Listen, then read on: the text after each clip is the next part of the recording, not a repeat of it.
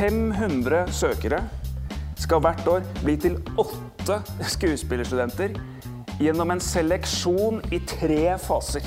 Som om ikke det var nok, så søker de fleste én, to, tre, fire ganger. Opptaksprøvene varer et halvt år. Prøv å forestille deg hva det betyr. At det, det betyr at indrefileten av ungdomstiden din går med til å steke i det fettet. Eh, Under så ekstreme forhold som det der, så blir følelsene enormt intense.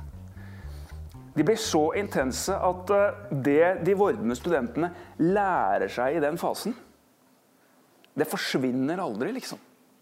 Det tatoveres inn i dem. Even Lynne er faglig leder for Artex-programmet, og i dag snakker han om et av de grunnleggende prinsippene for hvordan man kan jobbe godt sammen i grupper eller ensembler. Even er ansatt som førsteamanuensis i teater ved Universitetet i Agder, og var tidligere dekan ved Teaterhøgskolen i Oslo. Der var han bl.a. ansvarlig for opptaksprøvene, og det var i møte med de unge, håpefulle og veldig konkurransedrevne studentene at han kom til en erkjennelse om hvor viktig det er å jobbe sammen. Til, eh, til min overraskelse eh, var egentlig at eh, skolen var på et vis satt opp sånn at vi Det er hardt å si det, men på en måte lærte vi studentene det stikk motsatte av å løfte hverandre som ensemble. Vi lærte dem tvert imot at nøkkelen til å lykkes er å utkonkurrere hverandre. Da hjelper det liksom ikke at du får overfladisk positive holdninger til ensemblet etterpå, samarbeid og sånn og sånn, for det, det hjertet ditt egentlig tror, etter å ha tilbrakt ungdomstiden din i de spenningene der, det er at hvis de andre lykkes, så er det mindre sjanse for meg. Vi er for mange, godene er for få.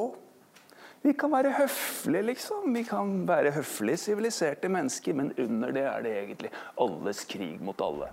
Midt i denne konkurransesituasjonen står du, kanskje, som fersk teaterstudent og skal gå inn i en hverdag hvor du skal være en del av et ensemble, og du skal stå på scenen sammen med andre. Hvordan skal du lykkes med det hvis det egentlig er alles kamp mot alle? Samarbeid det kan man analysere på veldig mange måter, men man kan også analysere det på følgende måte at samarbeid består av summen av en rekke transaksjoner som du har med andre. Små transaksjoner, store transaksjoner. Samarbeid innebærer alltid en mengde transaksjoner. Utvekslinger av ting, av språk, av tjenester, av alt mulig. Så kan man utvikle da, kan man ha fire holdninger, fire ulike holdninger til de transaksjonene.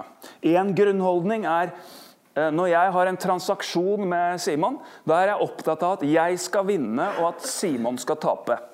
Det er én grunnholdning.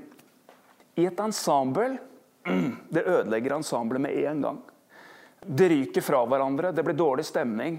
Folk blir redde eh, og, og stive, og etter hvert blir de mer eller mindre stereotypier av seg selv. Destruktivt.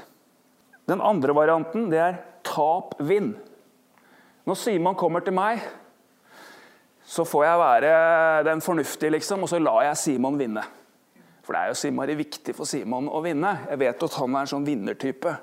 Han trenger å vinne litt, så da får jeg være litt klok, og så lar jeg Simon vinne. Problemet med det er at det er greit den første gangen, da har vi husfred en stund. Den andre gangen, mm, tredje gangen mm. Etter hvert så begynner jeg å bli bitter. Jeg begynner å bli bitter. Det er, helt, det er ikke til å unngå, for Simon han kommer igjen. Han har ikke tenkt å forandre mindset, han må vinne, han. Så da må jeg alltid la ham vinne. Og da blir jeg bitter på et tidspunkt, og så trekker jeg meg fra samarbeidet. Samarbeidet opphører kanskje ikke fysisk, men det opphører mentalt.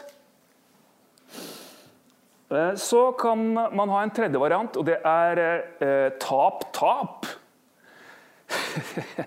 Når oppstår tap-tap? Jo, det er nå to veldig sterke individer som begge vil vinne, går til krig mot hverandre, for begge nekter å tape.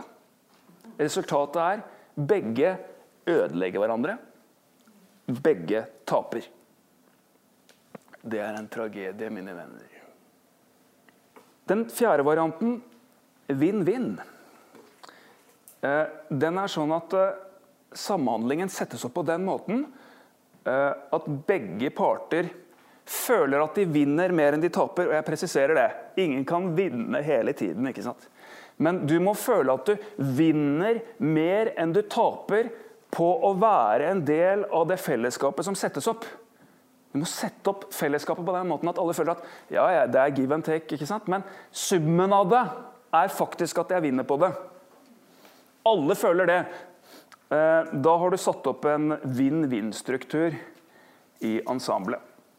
Det er en type grunnlov. Hvis ikke den er til stede, så vil det aldri bli helt bra. Og du vil aldri kunne holde flinke folk sammen over lang nok tid til at, til at den der type gruppesjelen liksom, kan oppstå, den band-greia, som gjør at disse tingene skjer. Men det er ikke bare enkelt å få til en vinn-vinn-struktur i et ensemble. Even påpeker spesielt to utfordringer knytta til dette. På Teaterhøgskolen så jeg et veldig stort praktisk problem med vinn-vinn. For jeg så at vi har et stort problem her liksom, som hele tiden liksom, sånn kjeppen som kommer inn i vinn-vinn-hjulet vårt her. Og det er, eh, for å si det litt brutalt, det er gratispassasjerene. Folk som ikke gidder å jobbe. Du kan tenke deg når du er på prøve hovedrolleinnehaveren ikke kan teksten sin. Hvor mye får de andre jobbet da? Det er ikke vinn-vinn. Og Det er et, var et problem i nesten alle klassene at du har den asymmetrien. Jeg tenkte ja, Det er bare naturens lov. Det liksom. Det må, bare, det må vi bare leve med. Men det blir ikke vinn-vinn av det. Og hvis det ikke blir vinn-vinn, da, da er det ingenting ordentlig som skjer. Altså. Det blir alt bare maske og proforma. Så du må inn i vinn-vinn. Det betyr si at jeg måtte prøve å gjøre noe med gratispassasjerene. Kan vi definere noen minimumskrav i alle fag? Ikke sånn 'så mye skal du øve for å bli god', men så lite kan du øve, eller må du øve, for at ikke alle de andre skal blø for din skyld? Ja, så gjorde vi det, da. Så gikk vi inn sammen med studenter, definerte minimumskrav da, i alle fag. Og wow, som det virket, liksom. Det var liksom Det skjedde noe, altså. Det er noe med den derre når, når gruppen har søkelys på deg, og du selv har definert kravet til deg selv, da er det en litt annen prosess. Eh, da kan du på et vis godta det. Og, og resultatet ble en enorm forbedring i volumet på, på disse gratispassasjerenes arbeid. Altså. Rett opp. Mm. Uh, så er det et eh, problem til. Et veldig stort problem, og det, det gjelder oss alle. Eh, og det er eh, OK, du sitter i rommet med ensemblet, men det er ikke alle som er med i ensemblet, som sitter i det rommet du sitter i sammen med ensemblet. det er veldig viktig å være klar over. Det sitter en del luftmennesker der også, som også er med i ensemblet. Ikke sant? Det tenker ikke du på, men hvem er det? Jo, det er kjærester. Det er nære venner. Det er familie. Det er alle de som må skrape opp restene etter den store kunstneren når, når, når, den store kunstneren kommer hjem etter en arbeidsdag. De er også med i ensemblet. De er faktisk en del av ensemblet. Og hvis du ikke setter opp en vinn-vinn-struktur for dem òg, så begynner de før eller siden å sabotere ensemblet ditt. Der er det noen som smiler, ja. Ok, that, That's no joke, altså.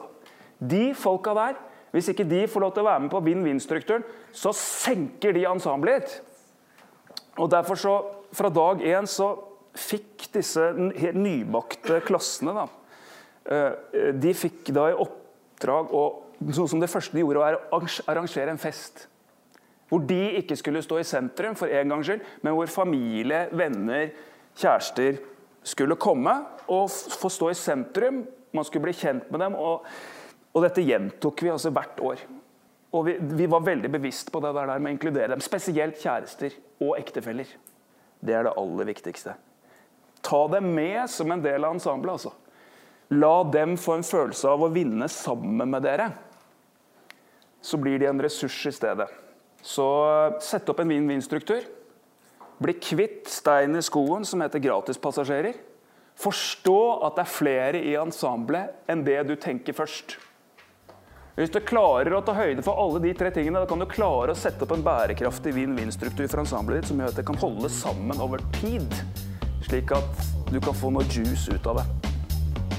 Og vil du vite hvilke andre tips Even Linne har for godt samarbeid, da kan du høre de andre podkastene i denne serien. Produsent og reporter, det var meg, Sigrun Agøy Engel.